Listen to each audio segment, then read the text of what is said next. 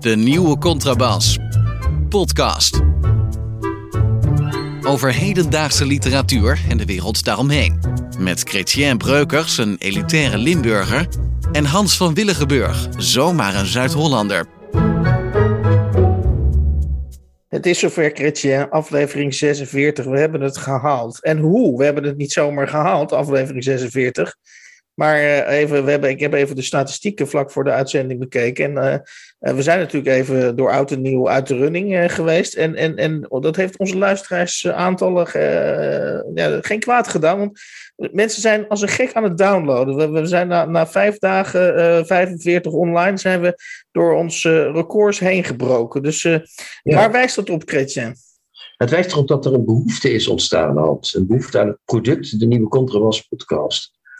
En dat, gaan wij, dat, dat vervullen wij. Die, die, die vervullen het, het, Unieke, het unieke product. We hebben een unique selling point. Dat is onze podcast. En die gaan we nu uh, nog steeds. Die wordt steeds. Ik merk dat er steeds meer uh, mond-op-mond reclame wordt gedaan. Ik, spreek, ik ben toevallig in Antwerpen op dit moment. En ik spreek daar mensen en die zeiden: Ja, ik heb net van jullie podcast gehoord, een maand geleden. Ik ben ze allemaal aan het luisteren. En ik heb dat niet één of twee keer gehoord, maar echt meerdere keren. Dus dat betekent dat het nu langzaam een olievlek aan het worden is die zich uitbreidt. Kijk, dat is heel mooi, hè? Want, want bij een echte professionele zender uh, komen de statistieken. Dat zijn abstracte cijfers. Maar wij, wij, wij staan in contact of semi in contact met onze eigen. Wij kunnen gewoon op onze eigen zintuigen afgaan om te kijken hoe onze podcast, uh, zeg maar, uh, hoe het met het verloopt met onze podcast. Dus wij, wij hebben geen statistici nodig. Wij doen het gewoon nee. ouderwets. Wij zijn ons publiek, Hans. Dat is wat het is. Uh, ja. Mooi, mooi, mooi. Wij, wij, wonen in ons publiek, ja. Heel mooi. Niet zoals The Voice trouwens, maar anders. Maar wel ja. zeg maar. Ja, vooral. Ja. Nu, nu, weten onze luisteraars dat jij vorige week heb jij Jurgen Apperlo. Uh, die naam zegt uh, misschien lang niet iedereen iets, maar dat is, uh, die noemt zichzelf de lezer des vaderlands. Oh, ja. En um, die heeft, en dat, dat vinden wij prima, die heeft gereageerd op, op jouw commentaar op de Lezer des Vaderlands. Voor mensen die het vergeten zijn, de Lezer des Vaderlands gaat uit de bestseller top 60 de, de, zijn ze inziens literaire boeken de komende, ma- komende jaar bespreken. En nou, jij vond dat een tamelijk niet zeggende, zeker potsierlijke wending in, de in, in het fenomeen Lezer des Vaderlands. En toen reageerde hij met: Luister, zo klinkt de dood van ironie. En toen had hij het over jou. Oké. Ja, ik denk dat dat, uh, dat is mooi gezegd. Uh, dat klinkt leuk, maar wat is precies het eind van ironie uh, dan in dit geval? Ik denk dat hij daarmee bedoelt. Want volgens hij noemde ook nog de term oude man. Hè? Dit is een oude man ja. die het eind van de ironie in, inluidt. Ja, ja, ja, dus het zijn zware, beschul zware beschuldigingen. Ja, en ik denk dat dat betekent dat hij geen andere verweer meer heeft dan wij oud noemen. En dat zou je kunnen zeggen, want ik ben 56. Dus ik begin al een beetje richting de ouderdom op te schuiven. Maar dat hij ook nog zegt dat ik geen ironie heb, dan denk ik, als je zelf uh, zo'n uh, grepenkop uh, met zo'n. Sorry, nee, dat mag ik niet zeggen, want dat is grof.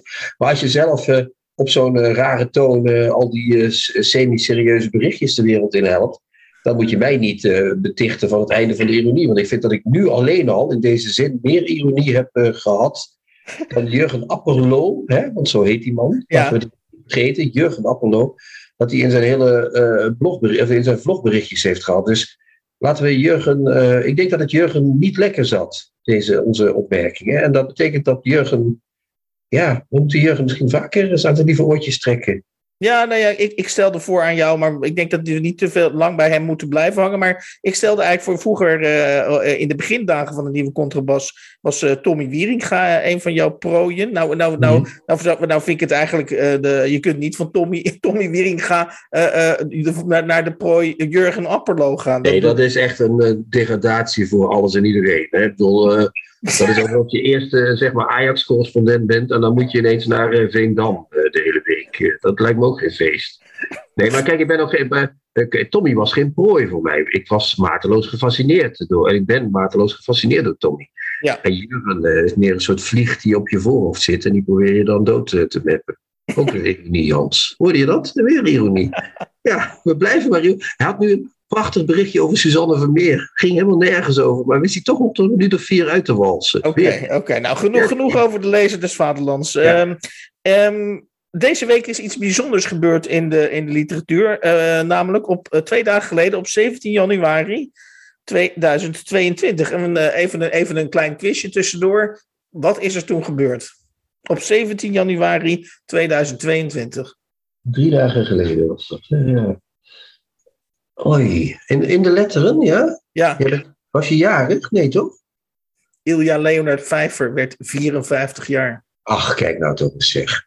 Net zo oud als Jezus Christus. Of was die, nee, die was 33. Nou ja, al 21 jaar ouder. Ja, maar uh, wat, wat, wat fijn. Was je op de verjaardag in Genua? Of ik, uh, ik, kreeg, ik kreeg van iemand, uh, omdat die van een vaste luisteraar, dus de interactie komt inderdaad helemaal op gang, dat kan ik beamen.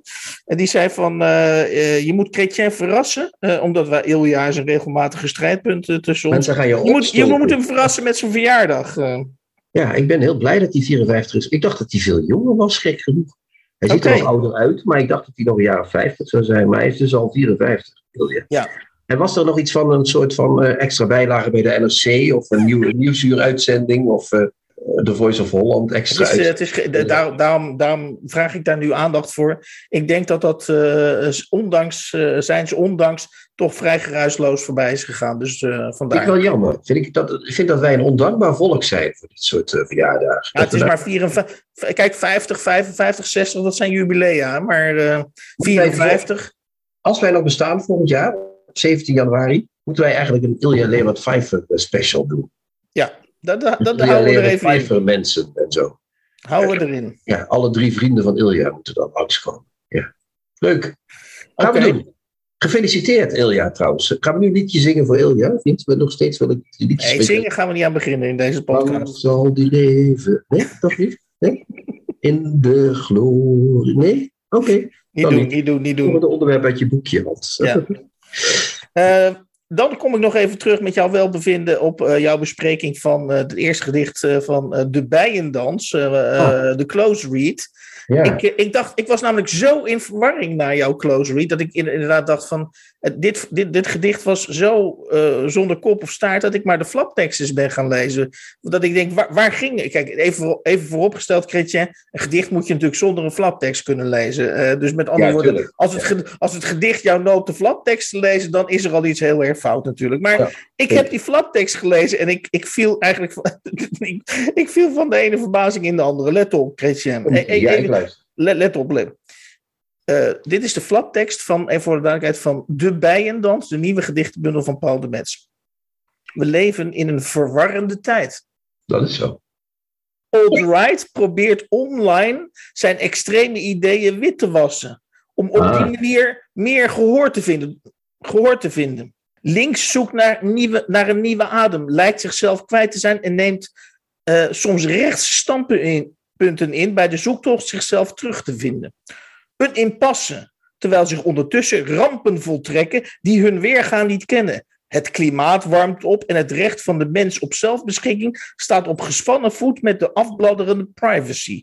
We kijken weg terwijl we zelf dreigen te verdwijnen. En dit is pas het eerste deel, dan komt het tweede deel. In de Bijendans, de gedichtbundel, schetst Paul de Mets de diepgaande mutatie, let op dit woord, de diepgaande mutatie van onze verhouding tot de wereld en tot onszelf. In zijn zintuigelijke gedichten laat hij stemmen aan het woord die we liever niet horen, maar biedt hij ook een alternatief waarbij mens en natuur samengaan. Ik sta nog net niet verbinden. Want wie goed naar de dieren kijkt, kan nog een hoop leren. Jezus, Maria Hans. En, dus ja, ik herinner, ik herinner me, ik, ik zal me altijd iets herinneren zoals van stemmen die we liever niet horen. Dat is inderdaad wel wat ik hier uh, aan overhoud. en ik denk, nou, dat hoor ik liever niet allemaal, dit soort gelul, als ik eerlijk moet zijn. Ja, maar dat betekent dus dat hij ook nog eens een keer, hij heeft niet alleen maar uh, een hoop gelul in een, uh, in, in een wikkeltje gepresenteerd, maar ja. die ook nog eens een keer dat met het soort politiek sausje overgiet. dat, dat Vreselijk. Is... zin 2 beginnen over alt-right. Met andere woorden, ik ben, een, ik ben een dichter die aan de goede kant staat. Hij staat, Paul de Met staat aan de goede kant van de bijendans en van de geschiedenis ook. ja. ja. Ja, maar wat, dat is iets wat, uh, wat, wat, nou, wat er zeker is. Maar meent hij dat nou echt? Zou hij dat echt serieus... Ja, dat zal wel, want het staat op de flaptekst. Maar als je dit toch serieus meent, Hans, dat is toch heel, dit is toch heel kwalijk, of niet? Ja, daarom, le daarom, daarom, lees ik het, daarom heb ik het ook voorgelezen. Ik vind het echt als, ja. een, als een inleiding tot een gedichtenbundel, uh, vind ik het echt, uh, nou ja. Want uh, dat is een politiek pamflet, dus in wezen, wat we weten. Wat we, we hebben gewoon gezien ja, ja, zoiets. dat zoiets. hier iets tegen alt-right werd gezegd uh, of zo. Ja, zoiets. Maar ja, nee, Ehm, ja. Eh, dan wil ik nog eventjes, eh, dat wat, wat ik zelf heel mooi vind, eh, eh, eh, is dat eh, mensen ons af en toe eh, eh, of reageren op onze podcast en dan eh, aan ons mededelen, dat doen ze bij jou misschien ook, wat ze tijdens het luisteren van die podcast aan het doen zijn. Dat vind ik ook, Ja. dat, dat, heeft ook een zekere poëzie in de zin van, nou, eh, dat, dat vind ik interessant als maker. eh, en jij neem ik aan ook. Dat je, dat je, dat je geïnteresseerd bent in, in hoe, hoe je luisteraars en wat Ja. je luisteraars aan het doen zijn. En, nou, heel veel mensen doen het tijdens de afwas. Bij jou ook of niet? Tegen ja, mij. ik, ik, heb, ik, heb, eh, ik heb een top 3 samengesteld van wat de mensen tijdens onze, tijdens onze intro doen. Erik maakt nu rare gebaren. Maar eh, nou, logisch. Dat is inderdaad, dat is, zo, dat is ook wanneer ik zelf podcast luister. Ze wandelen. Dus eh, ze, Ja. ze luisteren naar ons tijdens het wandelen. Of inderdaad, zoals jij zei, Christian, tijdens het afwassen. Of Ja. eh, ze rijden, dat is ook logisch, ze rijden in de auto inderdaad. Ja, en laatst, laatst iemand mij, ik heb enorm gelachen bij aflevering eh, 45, eh, bij een bepaalde passage. Die mag je gerust in je zak steken, Kreetje. En toen reed ik eh, eh, door de tunnel van eh, Italië naar Frankrijk. Door, door die, hoe, heet, hoe heet die tunnel ook alweer? De, eh, ben ik even kwijt. Godhard? Nee, niet de, God, de Gotthardtunnel is, de, is in Zwitserland. De? Nee, nee, nee, het is een ander. Ik kom er even niet op, eh, ik weet die naam. wat ze daar allemaal hebben voor tunnels hoor. Sorry, ik kom daar nooit. Nee. Maar goed, eh, ik vind het wel een, een troostende gedachte. En daar sluit ik even mee af. En, ik weet niet of jij het daarmee eens bent, Christian. Dat de mensen die door een tunnel heen rijden en dan naar de nieuwe contrabas eh, luisteren, dat die dan lachend door, of, of in ieder geval voor een gedeelte lachend door die tunnel rijden. Ja, dat vind ik mooi. Ja. Maar ik heb nog een andere opmerking bij dit Ja. eh, statistisch eh, onderzoek. Dat wij dus heel veel mensen hebben die eh, blijkbaar geen afwasmachine hebben. Wij kennen, Onze Mhm. luisteraars hebben geen afwasmachine. Die zitten nog gewoon lekker met een sopje en een borsteltje. Terwijl ze ons luisteren. Dat vind ik wel mooi, vind ik dat. Ik heb namelijk ook geen afwasmachine. Ik ook niet. En eh, dus, dus ik, dat denk dat dat, ik denk dat dat, daar hebben wij dus geen marktonderzoek voor nodig gehad. Maar ik denk dus dat we hier op een heel wezenlijk punt van de nieuwe contrabas community zitten. Dat, eh, dat het mensen zijn die nog zelf afwassen. ieder geval echt het dreft eh, of, of Dubro of weet ik veel. En dan lekker een sopje. Lekker even luisteren, mensen. Ja, fantastisch. Meer van die mensen. Tips van de week. Boeken, artikelen of pamfletten die boven het maaiveld uitsteken. We gaan vandaag behandelen twee boeken. En het eerste boek dat we gaan, be- gaan bespreken is. eh, en dat is een tongbreker, maar ik, ik ga, ik ga eh, graag een poging wagen. Ik ga die uitdaging aan. De auteur van dit boek heet Zikismund Krzyżanowski. Ja, je zeggen. Krzyżanowski.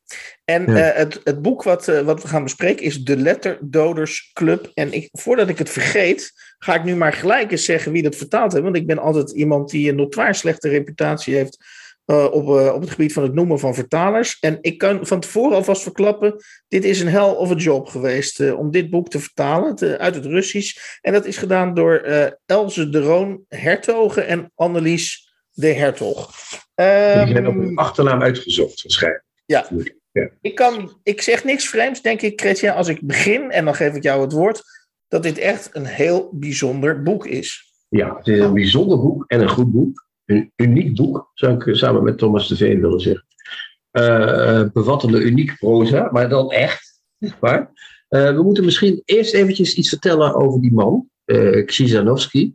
Ja, Dat is een eh, eh, schrijver uit Rusland. Hij heeft een Poolse naam. Sigismund uh, Krzyżanowski is een Poolse Ja. naam. ja, Hij is een Rus. En eh, met, met Poolse wortels waarschijnlijk. En heeft geleefd tussen 1887 en 1950. Eh 63 geworden, niet oud. Maar die jaartallen geven ook al meteen aan dat hij zijn volwassen leven heeft doorgebracht in de eh, rode dictatuur die in Rusland eh, heerste. In het communisme dus. En eh, eh, in, de, in, het, eh, in de informatie die ik over heb kunnen vinden, vind je dan ook dat hij zijn manuscripten, waaronder dit prachtige Letterdodersclub, de, letter, de Letterdodersclub, toch? Ja. Dat, ja, dat, dat hij dat niet heeft kunnen doen publiceren tijdens zijn leven. Want dat was natuurlijk in de tijd van Stalin. Hè? Tijdens de, in de tijd van Stalin publiceren, dat, dat, dat had een zeker risico, een zeker afbraakrisico zou je kunnen zeggen. Je kunt het zelfs lezen van. ah, Het mooie van dit boek, en dat is, dat is dan misschien voor sommige mensen het, het kenmerk van echte literatuur. Je kunt het op, op hele verschillende manieren volgens mij lezen. En één manier om dit boek te lezen is inderdaad één grote lange aanklacht van A tot Z tegen eh, de Stalinistische opvatting van literatuur. Ja, want eh, waarom eh, kunnen we dat doen? Dit, is, dit vorig jaar een, een boek van hem verschenen bij dezelfde uitgever bij Vleugels. Met verhalen. Dat heet, Iets met een lijk. dat heet De Autobiografie van een Lijk en andere verhalen. Eh, nu, dit boek gaat over een groep mensen. Die eh, eh, hebben een club die op zaterdag bijeenkomt. En dat zijn mensen die willen de zuiverheid van hun verhalen, of van hun concepten, zoals ze dat zelf noemen, Ja. willen ze bewaren door niet meer te schrijven, althans niet meer op papier te schrijven. Nee, dat is een zonde in feite. In feite is, is schrijven is een zonde. Tenminste, dat is een Ja. van de gedachten. Ja. Ja, want die club ook komt bij elkaar en er zijn ook mensen die beginnen dat te vertellen. En dan zegt er eentje ineens van, ik zie dat u een papiertje heeft. Wat dan is zien. En dan, wordt daar, dan blijken daar manuscripten op te staan en die worden dan in het vuur gegooid ook. Ja. Maar dat moet in je hoofd. Dus die mensen moeten hun verhalen in hun hoofd vertellen. Net zoals de mensen tijdens de, de dictatuur van Stalin hun verhalen in hun hoofd moesten vertellen. Want als je dat op papier zette, dan kon je worden opgepakt. En eh, twee dagen later zat je in de gulag. En drie weken later was je dood. eh, omdat je nek schoot. Exact. Van een of andere humeurige witrust. Dus Ja. eh, het was eh, geen. eh, ja, dat- dit boek is echt een boek. Dat gaat niet over Stalin. Hè? Dat gaat ook niet over de censuur. Maar de hele letterdodersclub, die mensen die doden die letters, dus hè, letterlijk op papier, Mhm. gaat over wat is censuur en hoe ga ik daarmee om. Toch? Dat zeg ik toch goed? Eh, nou ja, ik, heb, ik heb het dus heel anders gelezen. En dat is misschien het mooie. Kijk, de- sowieso zijn er een aantal nieuwe boeken. eh, of sorry, een aantal nieuwe boeken. Een aantal nieuwe woorden. Dus, dus een van de nieuwe woorden die dus in dit in, heel die eigenlijk alleen in dit boek kunnen voorkomen, is. En volgens mij komt dat een paar keer voor. Boekenloosheid. Hè? Dus, dus eh, eh, eh, dat, dat, dat is een woord wat gebruikt wordt. En, en dat, dat geldt dan voor de planken in dat huis waar ze, waar ze bijeenkomen. En die, die, die planken die worden, le- die worden leeggemaakt. Want inderdaad, ja, er, mag, er mag niet geschreven worden. En sterker nog, alle herinneringen aan manuscripten moeten, moeten opge- opgeruimd worden. En, Ja. halverwege, en halverwege het boek, om eventjes aan te geven hoe, hoe interessant, maar ook raar de logica van dit, van dit boek is, is dan wordt er eigenlijk eh, wordt er verwezen naar Goethe en Shakespeare, eh, twee, twee grote mensen uit de Duitse respectievelijk Engelse literatuur. Die hebben het allemaal verpest voor de Ja, literatuur. die- precies, dat zijn geen helden. Dat zijn geen helden in deze club. Dat zijn de mensen die, die, die zo goed zijn of zoveel invloed hebben. dat je er als schrijver niet aan ontkomt om, om ze min of meer te gaan navolgen. En, en dat is precies wat ze niet willen. Nee, maar die, die, die twee eh, eiken, hè, dus Shakespeare en Goethe, die twee Ja. enorm grote bomen in de literatuur, Ja. staan ook voor iets anders. Namelijk, dat waren nog mensen die gewoon hun teksten konden schrijven. En zij kunnen dat al niet meer. Dus zij verafschuwen die twee enorme invloedrijke eiken ook, omdat zij dat weten van wij willen dat wel zijn, maar Mhm. wij zullen dat niet meer zijn. Eh, het, de kern van het boek is natuurlijk, eh, op- wat, naast wat jij zegt, ook dat ze die verhalen gaan ze uit hun hoofd vertellen. Vanaf Ja. het moment dat, dat dat niet meer kan in het echt, of dat ze besloten hebben, zogenaamd, dat dat niet meer in het echt kan. eh, gaan ze die, die verhalen in, in, in, in hun hoofd vertellen en daarna doorvertellen aan elkaar. Maar alleen maar binnen die beperkte setting van die zaterdagclub die, die Ja. bij elkaar komt. En dat is ook eh, heel wezenlijk. Dat heeft die, dat heeft die kant van die Samizdat uit die, uit die eh, Russische en, en Oost-Europese literatuur uit de tijd van het communisme. Je mag het alleen nog maar tegen mensen vertellen die bij je zitten, maar het mag niet meer ergens vast liggen, want dan, dan, dan kan het gecensureerd worden. Ja, ja. En, en, en om, even, om even aan te geven voor, voor de luisteraars die hopelijk geïnteresseerd raken in dit boek. Want ik denk dat dit op een aanbeveling gaat, gaat, uit, eh, gaat uitlopen. Ja. Eh, de, personages, ze hebben ook geen, geen gewone namen. Dus zelfs een naam is in, in feite al, al te... eh, te Dat, dat, te veel letters zijn dat al. Hè? dat zijn al te veel letters. Dus de, de hoofdpersonen heten Rar, Tut, Ja. Ja, ja, ja, precies. Ja. Fev. ja. Dat zijn mensen met weliswaar letters, maar letters die niks betekenen meer. Dat is ook mooi natuurlijk. Het zijn, Ja. Cijfers zijn niet bij Goethe of Shakespeare, maar cijfers zijn, zijn onbetekenende, eh, lapidaire, kleine, kleine woorddelen bijna. Flarden van woorden nog. eh, Ja, ja, ja. En, en nou ja, goed, dit is een ingewikkeld en een boek wat je in feite moet ervaren. En dat ik, Ja. wij doen een poging om, wij doen nu een poging om, om, de, om, de, om, de, om de mensen te overtuigen. Jij gaat iets voorlezen, begrijp ik? Nee, nee, ik, ga, ik zat te bladeren. Maar het is, het is ook heel. eh, eh, het, is, het is moeilijk na te vertellen, dat zei ik net. Maar het is ook heel abs- absurd, ab- absurd toch? Hè? Je, je, je, Ja, In het voorgesprek had je het over Garms. Een absurdistische schrijver. En daar deed het jou aan denken. Aan iemand die. Ja, en het deed, en het deed me eh, ook op, een, op zeker in een bepaalde. Want we, we volgen dus vijf zaterdagen. We krijgen dus vijf verhalen van Ja. vijf van die mensen die lid zijn van de Letterdodersclub. En die vertellen dus eh, elk hun eigen verhaal. En een van die verhalen, een, een science fiction-achtig verhaal. Dat deed me heel erg denken aan de Vlaamse schrijver eh, Gust Gils. Oh ja, ja, ja, ja. Ook. Ja, ja, ja. En, en, en een ander verhaal, dat, kan ik, dat, dat wil ik absoluut nog even meegeven. En dat vind ik een heel mooi gegeven. Is dat er drie personages in een van die verhalen. van, van die vijf zaterdagen. van die Lettersdoders Club. eh, gaan er drie personages op zoek naar de vraag: Heb je een mond om te eten, te kussen of te praten? Ja. Nou, geweldige vraag toch ook, of niet? Ja, dat vind ik ook een geweldige vraag, ja. Ja, dat, dat is toch, als je dat leest, dan, heb je toch, dan spring je meteen op en dan denk je, ja, dit is, die man moet toch wel ook verschrikkelijk wanhopig zijn geweest als je dat gaat afvragen. Dat, Ja. vind Ja. niet? Ja, en Ja, wat ik dus heel erg mooi vind van jou, Chrétien, en ik wil je daar nu al voor bedanken, want zo heb ik het niet gelezen. Maar nu beginnen misschien, eh, eh, dus je zou wel eens gelijk kunnen hebben dat het hele boek dus gaat over eh, de gesproken cultuur versus de geschreven cultuur. Dus Ja. dat als je een verhaal wil vertellen, dat je linksom of rechtsom moet zorgen dat het in je hoofd zit. eh, en dat je het niet mag opschrijven, inderdaad. Dat klopt. Ja.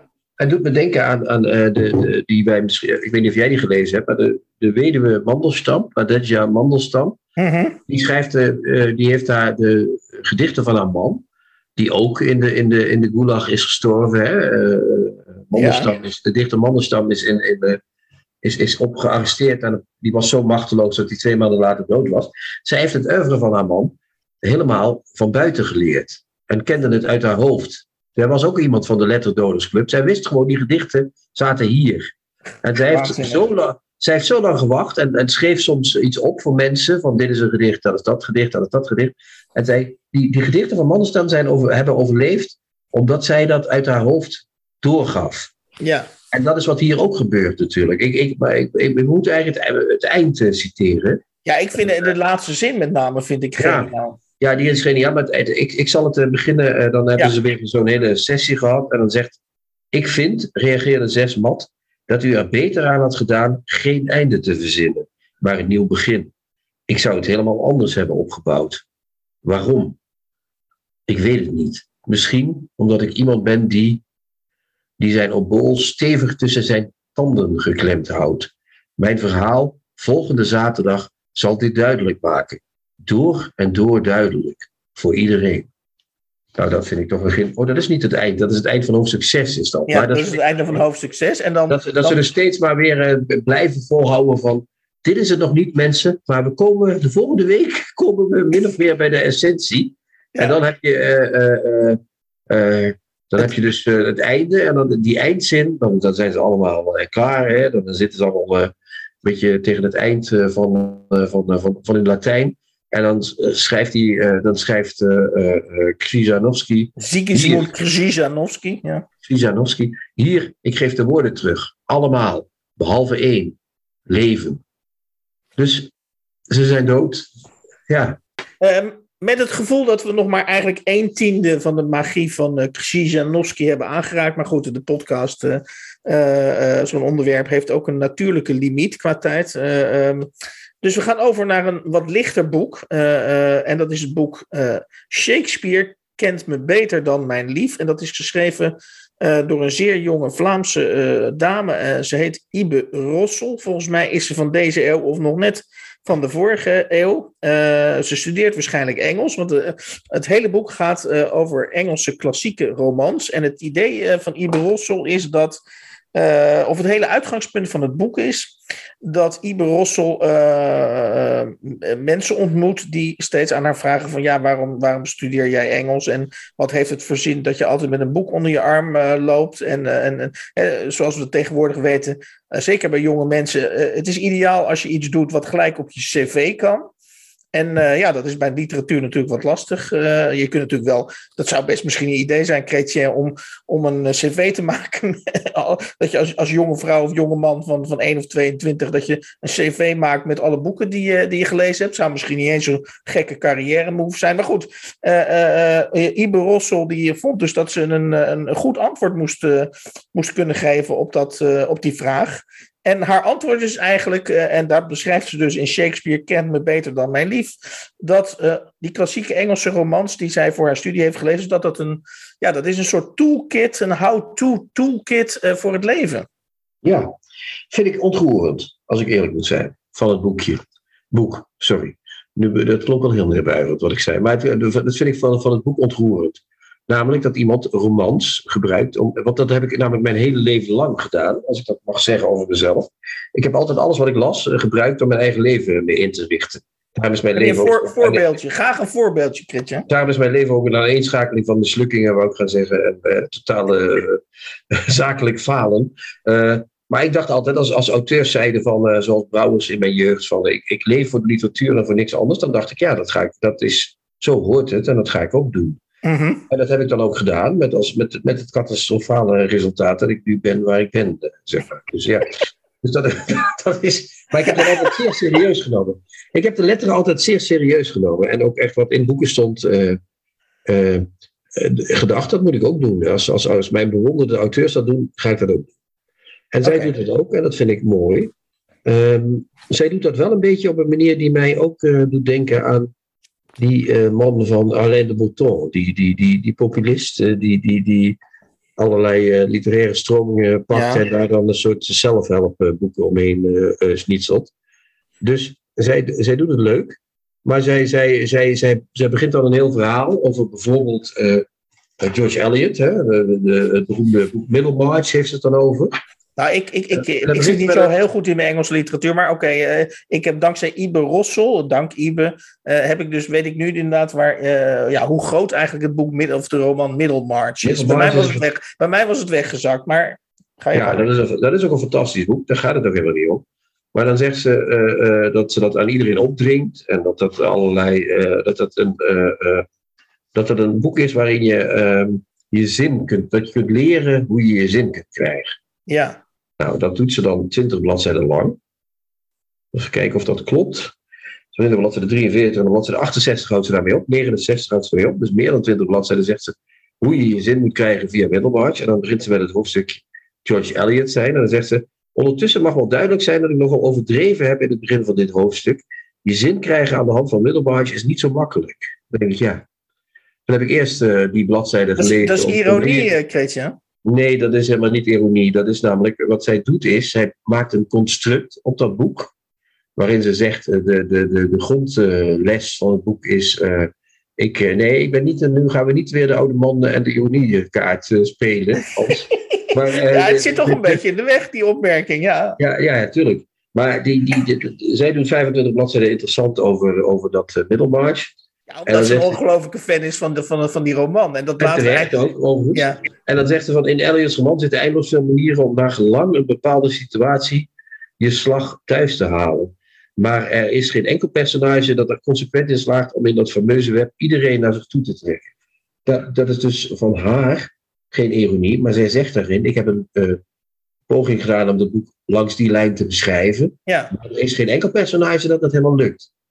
Daarmee zegt ze dus, het is een boek over je zin krijgen, maar het betekent ook dat het niet altijd lukt om je zin te krijgen. Nee, zeg dat dan, zeg dat dan, ja. Maar zeg dat dan meteen. Ik vind iemand ja. die daar 25 bladzijden over nodig heeft. Dat nee, vind ik ook vind ik, vind ik een beetje vind, flauw, Kretje. Kijk, dat vind ik ook een beetje jeugdig schrijven, vind ik dat. Dat vind ik echt een beetje schrijven zo van, ik ga iets doen en na 25 bladzijden zeg ik, nee, dat was niet helemaal waar. Dat vind ja. ik toch jammer, vind ik dat. Ja, oké, oké. Okay, Zelfs omdat flauw vindt, ja, ja, ja.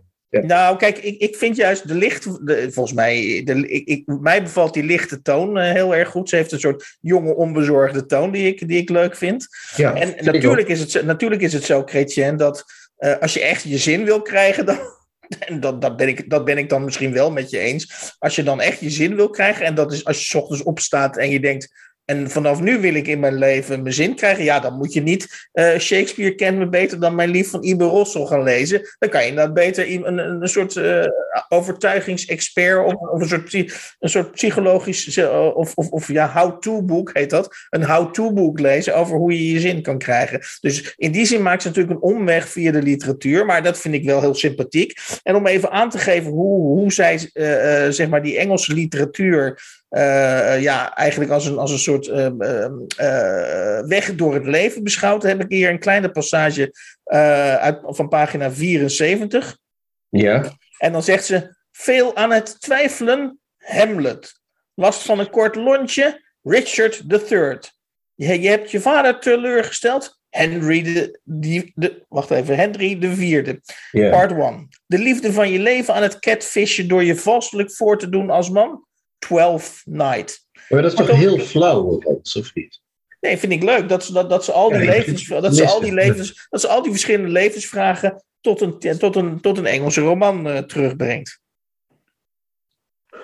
Ja, ik vind dat, ja, ja dat is, ik vind dit reclametaal. Ik vind het geen, uh, ik snap wel wat ze bedoelt. Ze, wil, ze probeert die mensen van, maar wat ze, wat, wat, ze doet twee dingen. Mag ik dat even zeggen? Mag ik daar mijn analyse op loslaten? Het is jouw podcast en een beetje mijn, podcast, maar, ja, maar ja, ja, natuurlijk mag je dat zeggen. Ja, ja. Mijn niet-ironische uh, analyse op loslaten. Wat ze doet is uh, in een soort reclametaal uh, Shakespeare voor, de, voor, voor het voetlicht brengen. Mm -hmm. En wat ze dan ook doet is dat ze daarmee zegt: ja, jullie kennen Shakespeare niet, maar ik weet het al lang. Ik weet al lang dat dat zus en zo is. En als jullie dat ook lezen, en ze weten natuurlijk al lang dat niemand naar zijn boekenkast holt om dat na te, te gaan trekken. Als jullie dat ook doen, dan weten jullie net zoveel van Shakespeare als ik. En, dat is, dat is, en het zit, er zit iets kokets in, in deze tekst. Dat vind ik ja, niet... dat, dat, dat ben ik met je eens. Ja, maar een meisje van twee... En een vrouw, sorry, een jonge vrouw van... Wat zal het zijn? 223 eh, mag voor mij best... Dat weet ik niet anders, ik heb het niet nagekeken. Maar dat, ja, het staat ook niet op de achtervlak. Maar ze ik, zal ik zeg dit in de, in de week van de The Voice, de, van de Voice-affaire. En ik zeg gewoon in die week, in die week dat iedereen een mening moet hebben over The Voice of Holland, zeg ik gewoon, een, een, een jonge vrouw van 22 mag best een beetje koket schrijven. Nou, dan ben ik het helemaal met, met je eens. En ik, ik vind ook niet dat ik... Ik verbied haar dat ook niet. Maar ik, als ik het lees, denk ik... Nou, ik heb het wel eens eerder gelezen, dit soort gelul. Dus, maar niet dat ik vind haar boek geen gelul, maar dit vind ik echt hele flauwe serie.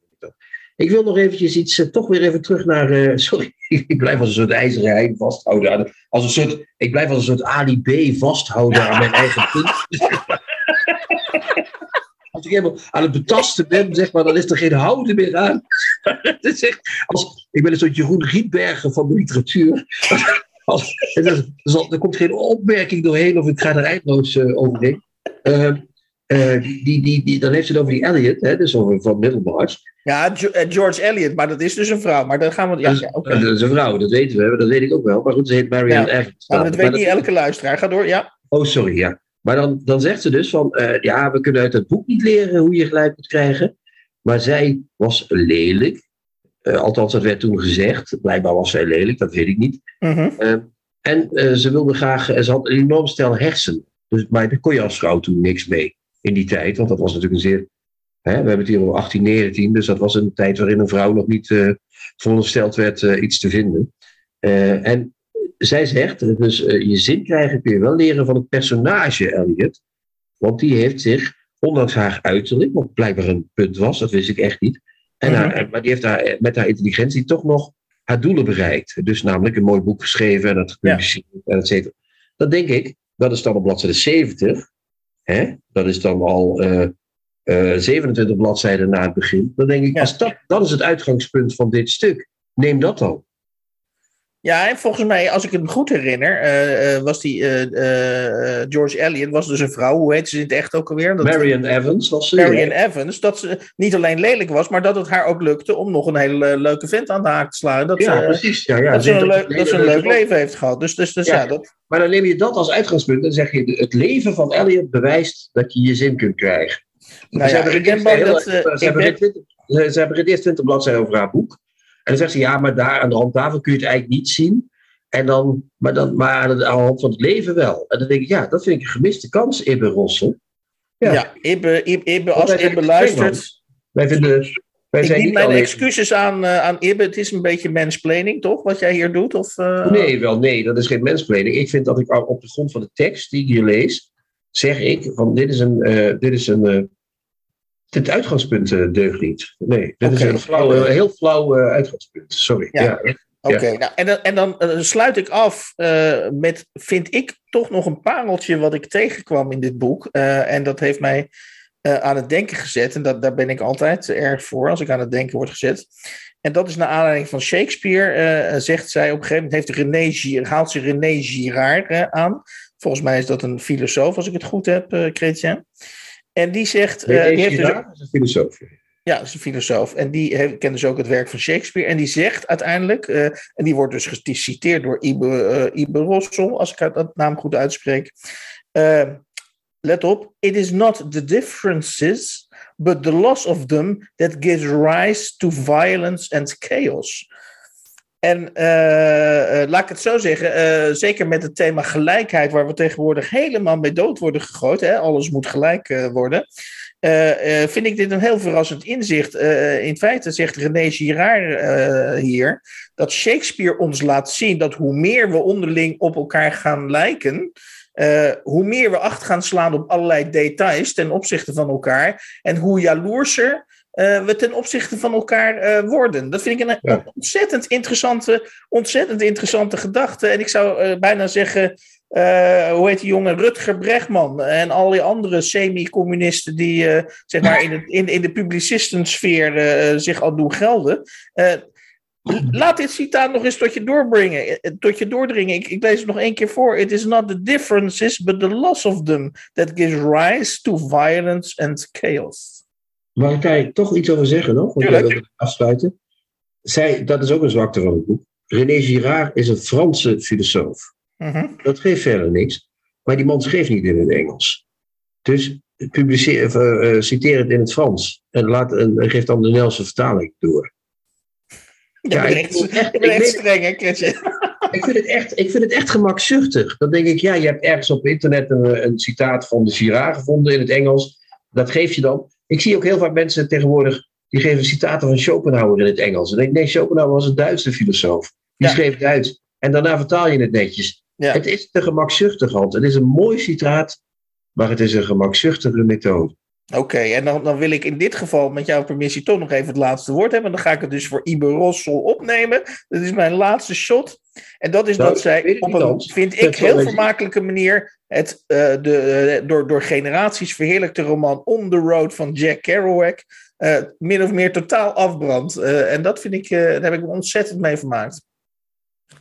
Ja, dat was een leuk stuk, maar dat is ook een boek wat je met niet al te veel moeite redelijk onder het tapijt kunt eh, doen. De braakrecensie. Literaire recensie die miskleunt en slecht is geschreven. Kees het Hart, eh, eh, een man die we eerder besproken hebben in deze podcast, eh, in dezelfde rubriek. Die heeft een, recentelijk in de Groene Amsterdammer een stuk geschreven over De Minzamen. Een recente roman van Koen Peters, die Chrétien en ik, en, en vooral Chrétien, duchtig onder de... Ja, waar heeft hij hem onder? Waar heb je hem onder gelegd? Die, Onder, onder die de roman? pletwals hebben we hem gelegd. Oh, we hebben, we hebben hem, Het was we eh, hebben, niet we hebben best. onder de eh, tractor hebben we hem gegooid. ja. we zijn eventjes met dat soort van eh wappie-argumenten zijn we er dus even flink tegenaan gegaan. het was echt, ja, het was een verschrikkelijke roman. Het is een verschrikkelijke roman.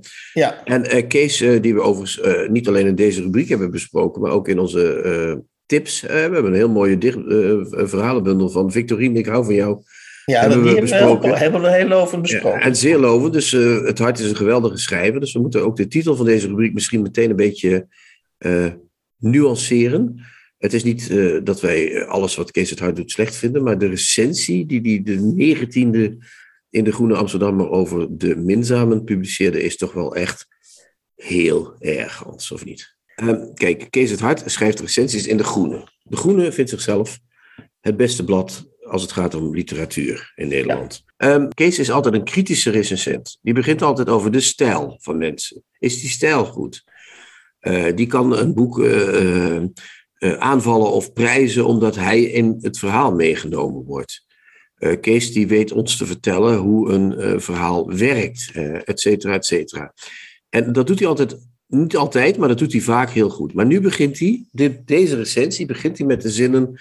Koen Peters was nog niet uitgeschreven over zijn oude leermeester, professor Renaat de Vis, 1944-1920. Een gerenommeerd antropoloog en psychoanalyticus, over wie hij in 2017 zijn zeer geslaagde roman De Mensengenezer schreef. In dat boek liet hij hem, zijn romannaam is Remy, van, van die professor dus, aan het woord over diens jeugd, opleiding en studie van de Yakka's, een stammengemeenschap ergens diep in Congo. En dan denk je, zijn we hier nou in het missieblaadje terechtgekomen, Hans? Of zijn we hier in de Groene Amsterdammer uh, verzeild geraakt? Weet jij het? Ik zou het niet durven zeggen, eerlijk gezegd. Uh, hier wordt, denk nou, ik. hij is hier al een paar honderd woorden ver, in ieder geval. Nou, dat... nou honderd woorden, zeg maar. Nou, 100, maar, maar, maar, maar, En dan denk je echt, hier, gaat een, hier zijn we bezig met een vriendendienstje. Denk je dan toch, of niet? Dit is niet, oh, je verklapt het nu gelijk al. Ja, dat, denk, dat, dat weet ik niet, want ik, ik, ik, dat is suggestie van mij. Hè? Voordat mhm. we voor het hekje staan in Amsterdam. Het is suggestie van mij. Ik denk dan van, dit is geen recensie. Hier moet iemand, gaat iemand een verplicht nummer opvoeren. En dan gaat hij verder met, je zou kunnen zeggen dat Remy zelf Jakka wilde worden. En als Jakka wilde denken en waarnemen. Hij bedreef een extreme vorm van participerende antropologie. Kom op, lieve mensen. Dit is toch geen literaire kritiek? Waar gaat die roman over? Over iemand die een jakka wil worden. Maar wat is een jakka nou helemaal, Hans? Weet jij dat? Nee, maar dat zal ongetwijfeld een, een, een, een inheemse stam zijn. Uh, met, met speciale gaven, met, met speciale opmerkingsgaven. Ja, ja, dat zijn ze ook blijkbaar. Althans, dat leer ik dan weer als ik iets verder uh, lees. Maar dan zegt hij ook, uh, Kees zegt ook dat dat minzamen, hè, dat, die ja. ja. die minzamen, dat gaat dan over die. Volgens mij zijn dat die mensen die die, die jakkers zijn de minzamen. Die hebben diepere inzichten dan ik. En dan zegt hij, zegt Kees, mij krijg je niet meteen op de banken wanneer het op deze minzamen gaat. Vaak hebben zij diepere inzichten, zegt hij tussen aanhalingstekens, dan ik. Vaak zien ze dingen die ik niet zie. Altijd menen ze het beter te weten dan wie ook. Ze beweren enorm nieuwsgierig te zijn. Ze lachen nooit. Ze hebben een hoge pet op van het onbegrijpelijke en magisch. Onbegrijpelijke en magische. Oh, wacht. Nee, het zijn dus de mensen die dat bestuderen, die de minzamen zijn, die ons, de ongelovigen, uh, minzaam bejegenen. Dat is wat het is. Waar ze allemaal goed in thuis zijn en waar ze mij zeker niet helder over willen inlichten, enzovoort, enzovoort, enzovoort. Dus Kees zegt eigenlijk, het is een boek over een stelletje zweefkezen, over een uh, dode zweefkees. En ik vind er niet veel aan, maar ja, ik vind Peters wil ik ook weer niet meteen over de roskam halen. Dus nee, hij doet het nog subtieler. Hij doet het nog subtieler. Nog subtieler, zeg je. Ja, hij, want, want hij, hij laat dus verschillende keren in die recensie merken dat het boek qua onderwerp niet zijn cup of tea is. En dat hij inderdaad, dat nou, zeg jij... Flink, zeg maar. Ja, flink. Ja, dat, dus inderdaad, eh, hij gebruikt zelf natuurlijk het woord zweefkezen niet, maar dat gebruik jij. En dat is inderdaad een woord wat hij zelf dan wil vermijden. Maar dan gaat hij dus diverse keren gaat hij, gaat hij een wit voetje halen bij Koen Peters. Van uh, ja, ondanks dat ik het dus eigenlijk een, een, een beetje vreemd onderwerp vind. Ondanks dat ik, dat ik met die diepere inzichten die ik tussen aanhalingstekens zet niet veel heb. Uh, weet hij me toch Hè? Dat is dan de verdienste. Dus veronderstelde verdienste van de roman. Weet hij me toch, ja, uh, ja wat weet hij nou? Ja, de, de, en, min of, niet eens over te halen, maar min of meer min of meer mee te krijgen. En ja, dan zegt, nou, dat zegt hij op een hele slijmerige manier. Ja, doe die zin maar even. Dat ik zul die zin even halverwege de recensie. Gelukkig gaat Peters mijn bezwaren tegen gebedsgenezers, magische krachtopwekkers, natuurgeneeswijzen, diepgelovigen, antirationalisten, gestalttherapeuten en Lacanianen niet uit de weg. Hij gaat het niet uit de weg. Dus de kwaliteit van Koen Peters is dat hij zijn bezwaren tegen dat soort zweefkezen, en dan citeer ik jou even, niet uit de weg gaat. Ja, weet je, dat... Ja, en dat is heel gek, want eh, Kees het Hart is overigens een uh, zuivere Lacaniaan. Dus wat daar ineens gebeurd is, is mij ook een uh, raadsel. Maar goed, de, dat zal wel weer ironie zijn dan. En hij begint ook nog een keer zich via, hij durft Koen, Koen, Koen Peters niet aan te pakken, maar in de recensie begint hij ook, want Patricia de Martelaar komt voor in het boek. Hè? Ja. En uh, dan zegt hij, uh, verbazingwekkend vond ik het dat Paul, Paul dus de, de, de, de Koen Peters in het boek, Patricia mm -hmm. de Martelaar, hij noemt alleen haar voornaam, tot de minzamen rekent. Hij beschrijft haar begrafenis waarbij ze in een open kist was opgebaard. Bijzonder overtuigend schetst hij de overeenkomsten tussen de kracht die diepgelovige Rooms-Katholieken aan reliquieën toekennen en de kracht van geneeskrachtige beelden uit de Jakka-cultuur. Nou, we zijn dus in het missieblaadje, Hans. Uh, er zijn hier uh, mensen die de katholieken en de Jakka's gelijk willen stellen, want we putten toch allemaal, Hans, uit dezelfde bron. Zelfs ja. Patricia de Matla, ja. En dat is dan dus een recensie van Kees het Hart, die altijd iemand, als hij de kans krijgt, zal afkraken, omdat hij niet overtuigend schrijft. Ja. Iemand die hier aan de lopende band probeert om de vaseline over die, uh, over, over, die vreselijke stijl van, om die stijl van Peters maar niet te noemen, met de vaselinepot uh, bezig is. Ja, ik vind het echt niet te geloven, dit echt. Jij wel? Ja, nou ja, kijk, ik, nog, om ons even nog uh, in herinnering te brengen. Wij vonden dus de minzamen, en dan moeten we even, dat ga ik zo in de afkondiging wel even, gaan we dat even opzoeken. Want dat in een van onze vorige afleveringen, ik weet dus niet precies welke, hebben we de minzamen zelf ook besproken. Ja. En ons, bez ons, ons, ons, ons bezwaar uh, tegen het boek was niet alleen dat het gewoon een, een ongelooflijk saaie, opzommerige, belerende en, en, en collegeachtige roman is, die ontzettend uitgesponnen is en, en nul spanningsboog uh, bevat. Ja. Uh, nou ja, dat was dus in feite ons, ons oordeel. Kijk, ik wil één, één mogelijkheid wil ik nog ter tafel brengen om, om deze recensie te duiden. En dat is dat, dat hij aan het eind op een min of meer heilige toon, maar dat sluit dus aan bij jouw missieblaadjesverhaal, een soort bewondering begint te uiten voor het niet-oordelende karakter van die, van die, niet alleen van die jakka's, maar ook van, van die antropologen die die jakka's bestuderen. En, dat, en ik wil niet helemaal uitsluiten, aangezien Kees het Hart natuurlijk ook ver in de zeventig is, dat hij zelf ook langzaam, heel langzaam, misschien zonder dat hij het zelf doorheeft, zelf een zweefkees aan het worden is. En dus uh, dit soort romans gewoon uh, niet meer durft aan te pakken. Het kan ook heel veel, ja. veel simpeler zijn. Namelijk dat hij het 06-nummer van uh, Peters heeft. Of dat ze WhatsApp-contact hebben. En dat hij denkt van, nou laat ik maar lief zijn voor hem inderdaad. Ja, ja, ja, ja. Ik, ik hoop dat het is dat hij lief voor hem wil zijn. Omdat hij het niet durft om hem aan te pakken. Maar als hij echt niet meer weet wat hij leest, ja, dan moeten we toch langzamerhand. Kijk, Kees is ook al in de 70. Dus ik vind ook dat critici moeten een beetje wisselen. Na tien jaar is het opsodemieteren uit uh, zo, van zo'n plek. Want het wordt natuurlijk op een gegeven moment heel moeilijk om nog, uh, hoe noem je dat, onafhankelijke kritiek te leveren.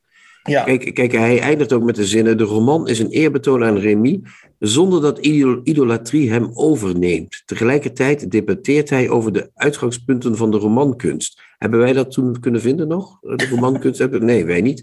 Het verbaasde me allemaal, zoals dat hoort. hoort. Minzaam zal ik niet snel worden, liever niet. Maar graag blijf ik trouw aan datgene wat ik ooit meende te bezitten en nooit bezat. Ja, dat laatste begrijp ik dus ook niet. Nee, ik begrijp er totaal niks van. Dat betekent dus dat hij hij is hier echt bezig, of inderdaad, hij durft hem niet aan te pakken, of hij weet bij God niet meer wat hij gelezen heeft en denkt, ja, ik weet het ook niet meer. En dat is dus in het blad wat zichzelf het beste blad vindt voor literaire kritiek in Nederland. Nou wil ik nog één vraag stellen aan je, Chrétien, hierover. En dat is dat je van tevoren zei, dit is een mechanisme wat, de, wat hierachter steekt, achter de, deze recensie. Wat is, het, wat, is, wat is kort gezegd het mechanisme achter deze recensie?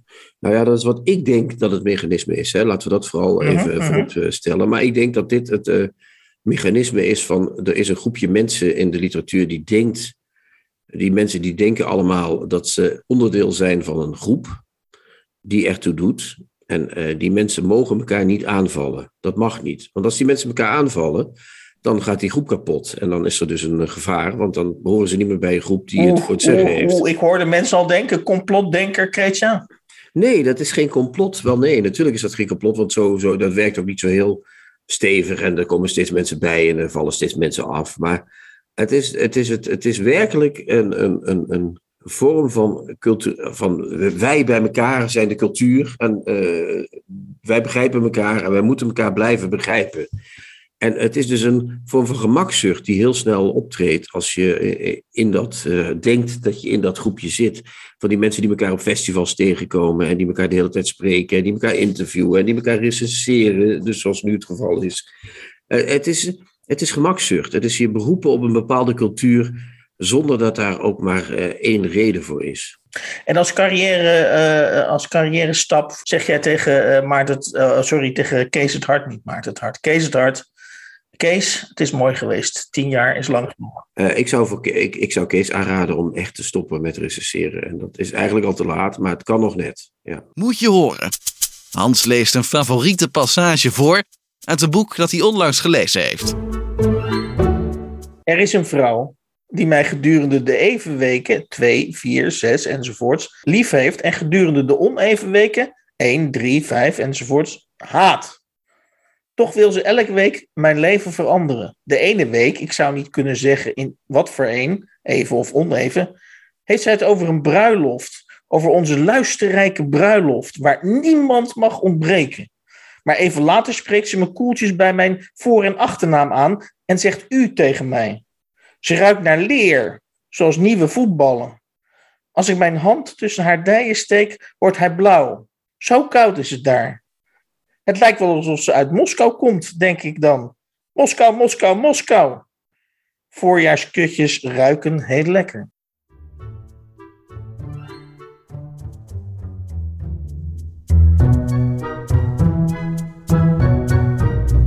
De nieuwe Contrabas.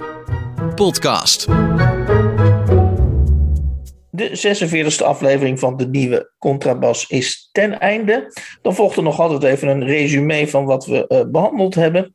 Uh, dat is in deze aflevering achtereenvolgens De Letterdodersclub. Een roman van Zikismund Krzyzanowski. Verschenen bij uitgeverij Vleugels in 2021. Daarna bespraken we Shakespeare kent me beter dan mijn lief van Ibe Rossel. Verschenen bij Borghoff en Lambrichts uh, te Gent, ook in 2021. En in de rubriek Moet je horen las ik een passage voor uit Een vrouw van de Hongaarse schrijver Peter Esterhazy. Uh, vertaald uit het Hongaars door Henry Kammer en verschenen bij Meulenhof in 2005. En dan uh, bespraken we, uh, of we, we schuine wonden we ons op over de recensie Orakelpraat. Verschenen in De Groene Amsterdammer van 19 januari. En geschreven door Kees het Hart en handelend over het eerder door ons in aflevering 42 besproken boek, de roman De Minzamen van Koen Peters. Heb ik het zo helemaal correct het lijstje afgewerkt, Christian? We zijn er helemaal uit, Hans. Ja, fantastisch. Ja.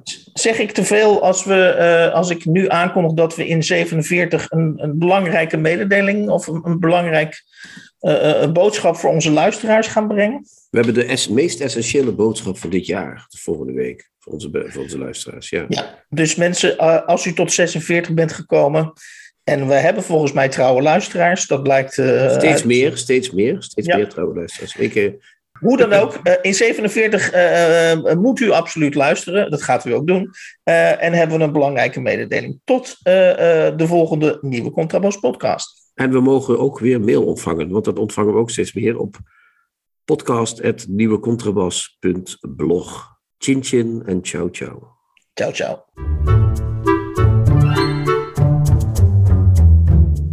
De nieuwe Contrabas podcast wordt gemaakt door Chrétien Breukers, Hans van Willigenburg en Erik Lindenburg.